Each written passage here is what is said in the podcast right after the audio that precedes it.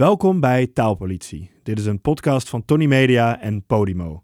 Vind je deze show leuk? Probeer dan ook eens de beste smaak van Nederland, waarin Jan Versteeg en Ramon Verkoeien op zoek zijn naar het lekkerste vegan gerecht van Nederland. Luister onze podcast De Beste Smaak van Nederland exclusief op Podimo. Tony Media. Hallo taalagent, hier de taalofficier. We gaan het niet over die hond van je hebben, want daar hebben we nu even geen tijd voor. Ehm, Dringende zaken. ja, dat bedoel ik. Vertel. Ja, nee, dat klopt. Eh, we werden getipt dat een eh, Twitter-taalagent strijdt tegen onrecht door een heel genre aan overtredingen over het voetlicht te brengen. Eh, het gaat om Holistic Shamadriaan, die zich volledig op de taal van spirituele charlatans heeft gestort. Ene Tom de Buk heeft naar aanleiding van een van deze Twitter-posts aangifte gedaan tegen reïncarnatietherapeut Maarten. Jongen, Reïncarnatietherapeut. ja. Laten we naar Ik bewijs heb nu al pukkels. levenskracht van de schepping, als je daarvan ontkoppeld bent, dan kun je er ook niet meer aan laven. Dan kan je dat ook Ja. niet meer gebruiken om, je, om je, je programma's te draaien. Dus ja, dan komt er een soort parasitair systeem op gang, Juist. dat ervoor zorgt dat je het dan dus elders vandaan gaat houden. Dus het psychopathisch gedragspatroon is ook dat je ontkoppeld bent van het kind in jezelf. En het kind in jezelf is gewoon een potentieel, een kracht. Maar het is een potentieel. Dus als je ontkoppeld bent daarvoor, dan kun je ook niet meer de, de levenskrachtsinput vanuit dat kindstuk ervaren in je eigen werkelijkheid. En dat betekent dat zij eigenlijk voor het afdraaien van hun agenda afhankelijker zijn van ons. Maar het voor hun belangrijker is dat wij denken dat het andersom is. Ik begrijp hier helemaal niets van. Dit is, dit is klinkklare wartaal. Dit is geen anacoluut meer, dit is gewoon onzin. Nou ja, taalagent, wat ik ervan begrijp is dat hij natuurlijk, eh, ja, hij suggereert de hele tijd een soort wetenschappelijke benadering. Hè? Daar komt het eigenlijk op neer. Eh, je- dan heeft hij het over je programma draaien en een parasitair systeem. Ik heb geen idee wat het is. Het psychopathisch gedragspatroon. Waaruit maar. Dat zijn allemaal van die woorden die suggereren dat hij al onderzoek heeft gedaan. Ja, dat hij, En, dat ja. hij echt, eh, nou ja, dat- en dat hij ook met, met, met oplossingen komt. Hè, Ja, voor programma die- draaien, dan, dan Ja, ben mens mensen- net een wasmachine en dan kan je... Maar ik begrijp dat hij, hij is op zoek naar, eh, naar geld gewoon. Hij, zoekt, hij wil klanten die betalen voor zijn geweldige adviezen. Zijn wetenschappelijk onderbouwde adviezen over het psychopathisch gedragspatroon, Ja. om maar eens wat te noemen. En hij heeft het dan ook over levenskracht en het kind in jezelf en eh, de ontkoppeling van het eh, kind zijn en ik weet niet wat allemaal. eh, hè, je bent geladen met kracht en potentie. Eh, Nou ja, Iemand die, die luistert daar dan naar, die denkt... oh, er zit dus kennelijk een kracht in mij en een, een kind in mezelf. Maar natuurlijk zit er kracht in jezelf. Er zit kracht in iedereen. Daar heb je zo'n rare man toch niet voor nodig. Nee. Om dat te, te weten. Ja. Stel je voor dat je geen kracht had. Maar hij suggereert dat hij de oplossing heeft. Ja, maar oplossing voor wat, hè? Ja. Ja, het is natuurlijk mensen die in de knoop zitten, die zijn geneigd om, eh, om, om eh, zich makkelijk eh, te laten, om de tuin te laten leiden, ja. Ja. En dan, dan, dan voegt hij er ook nog aan toe van dus en dan, hè, alsof dat een logische gevolgtrekking is. Ehm, maar het is simpelweg wartaal. Het is echt wartaal wat die man uitslaat. Ja, nou ja, bijvoorbeeld zo'n zin als deze. Het is een potentieel, dus als je ontkoppeld bent daarvan, dan kun je ook niet meer de levenskracht input vanuit dat kindstuk ervaren in je eigen werkelijkheid. Het is geen Nederlands, het is een totaal kromme zin. Maar goed, het, ja, het, het wekt wel die suggestie van wetenschappelijkheid. eh, Dit eh, incident staat niet op zich, helaas, zou ik willen zeggen. Eh, dit is een heel genre aan kwakzalver-psychologen, wat door die eh, holistic shamadriaan dus is opgegraven. ja. En hij bracht eh, ook deze eigenares van Manifestatie Magazine onder de aandacht. Het dat- bewijsmateriaal zit in uw Dat bandrecorder. bestaat ook, ja. en dat is ook weer wetenschap, kom jij op een gegeven moment bij, bij het niveau waar geen ruimte en tijd geldt. Ja. Als jij ziet dat, wij, dat, dat, dat eigenlijk een, groot kwantumveld om ons heen is, dan kun je verbinding maken met dat veld vanuit een intentie. En dan kun jij ehm, eigenlijk die intentie zetten wat jij wenst en vragen om dingen los te laten en nieuwe informatie toe te voegen. Want alle informatie is er. Ik ben nu ook weer met stomheid geslagen. want ik, ik kan hier geen touw aan vastknopen. Ja, misschien ben ik wel te nuchter.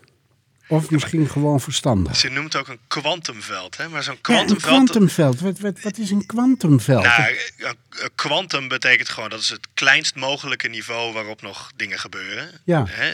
Maar ja, kwantumveld be- betekent bij dit soort charlatans betekent dat eigenlijk alles wat je er maar van wil maken. ja. Ja. Dus ze, Nee, het is vooral het woord kwantum dat natuurlijk klinkt alsof het, eh, of het heel wat is. ja, En precies. het is niks. Het is niks, nee. nee. Nee. Nee. Nou ja, Het, het doet mij een beetje denken aan. ehm, eh, heeft u Harry Potter ooit gezien? ja, ja, Ja. gelezen ook. ja. Gelezen? Ja, het kind in mij, hè? Ja, precies, ja. En eh, dan op een gegeven moment komt Hagrid, die komt Harry Potter vertellen: Je bent een tovenaar, Harry. Ja, dat is eigenlijk als iemand eh, zegt van ja, maar er zijn allemaal kwantumvelden. En eh, daar bestaat geen ruimte en tijd. Dat is eigenlijk vergelijkbaar. Zij gaat jou als Hagrid vertellen van je bent eigenlijk een tovenaar. Als je mij maar laat uitleggen wat een kwantumveld is. Nou ja, tovenaar zijn is natuurlijk de ultieme droom. Ja? Nou ja, zin. Ik denk als kind dat je eigenlijk allemaal een tovenaar wil zijn. Dat je de dingen kunt naar je hand kunt zetten. Ja. En als je wat ouder wordt, dan droom je ervan om een, eh, een verlichte eh, despoot te zijn. Nou ja, bij sommige mensen gaat die droom dus kennelijk niet over. En dan, dan zoeken ze het bij zo'n eh reïncarnatietherapeut. Ja, ja, Dan gaan ze manifesteren. ja. Het is, het is een beetje triest. Eigenlijk is, is dat, de, dat manifesteren, die, die hype van, van ja, als je het maar eh, genoeg denkt, dan wordt het echt. Dat is eigenlijk die fantasie van tovenaar zijn. Ja. Ja, dan gaat die bel weer, eh, taalagent. Ja, dan zul je Japke de Bauma weer hebben met een jeukwoord. Ja, nou. Ja, hallo taalpolitie. Japke D. Bauma hier met het jeukwoorden-memo van de week. Deze week gaat het over de nieuwe uitdaging. Dat lees je vaak op LinkedIn, hè? Dat mensen toe zijn aan een nieuwe uitdaging. Dat ze een nieuwe uitdaging zijn aangegaan. Of zoals Rabo-econoom Barbara Paarsma laatst schreef... omdat mijn leercurve na deze twee jaar afvlakt en minder stijl wordt... is het voor mij tijd voor een nieuwe uitdaging. Dat is toch schitterend? Die gebruik ik tegenwoordig ook vaak voor mijn baas als ik ergens geen zin in heb. Dat anders mijn leercurve te veel afvlakt. Maar goed, als ik lees dat iemand toe is aan een nieuwe uitdaging, dan zie ik altijd in gedachten mensen aan de rand van een afgrond staan, klaar voor de grote stap voorwaarts. Want meestal betekent een nieuwe uitdaging dat ze zich dood vervelen op hun werk. Of nog erger, dat ze ontslagen zijn en er een grote periode van onzekerheid aanbreekt omdat ze nog geen flauw idee hebben wat ze moeten gaan doen. Maar het vaakst betekent een nieuwe uitdaging dat ze de ene saaie baan hebben verruild voor de andere en zich vanaf nu weer elke dag aan hun haren uit bed moeten trekken omdat hun nieuwe baan net zo'n eh, uitdaging is als de vorige. Heel veel sterkte daarmee, lieve mensen. Hou vol. Ja, Dicté die heeft eh, een functie elders gekregen. Klinkt mij bekend in de oren. Ja, dat zou zomaar kunnen kloppen, ja. Ja, en die noemt dat dan ook een nieuwe uitdaging. Ja, Ja, het zijn eigenlijk allebei eufemismen. ja. U heeft uh, Dicté gewoon keihard de laan uitgestuurd. Ik laat me daar verder niet over uit. ik, hoor het uh, ook vaak in, bij, bij, bij de Fransen, die het dan over een challenge hebben. Dat Oh, is, ja, een challenge, maar dan op zijn Frans uitgesproken. En uh, ja, dat is het. Hè. Het is tegenwoordig, alles is een uitdaging. Ja, ja klima het klimaatprobleem noemen ze dan ook een uitdaging hè, in het bedrijfsleven. Ja. Terwijl je, ja, Ja. dat is, heet gewoon een probleem. Ja. ja, en je kunt het ook als volgt gebruiken. Hè. Het is een hele uitdaging, met andere woorden. Nou, dat, dat krijgen we nooit voor elkaar. Ja, ja precies. Ja. Nou, dan hebben we dat ook gehad. Eh, Dan zou ik wat uh, betreft uh, die zweverige types, zou ik zeggen. Ze moeten die holistic shamadriaan op Twitter maar volgen. En ja. dan worden ze geconfronteerd met hun eigen onzin. Ja. En met de eenvormigheid van al dat geklets. Ja. Ze geven geen therapie, ze willen alleen maar geld. Zo is dat. Hoe dan ook.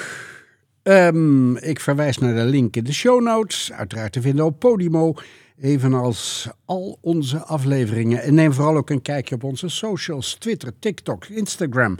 Want die fungeren als loket voor aangifte. Jazeker, u kunt aangifte doen bij de taalpolitie. En bovendien ziet u dan wat we door de week zoal doen. Want ja, we zijn heel druk bezig.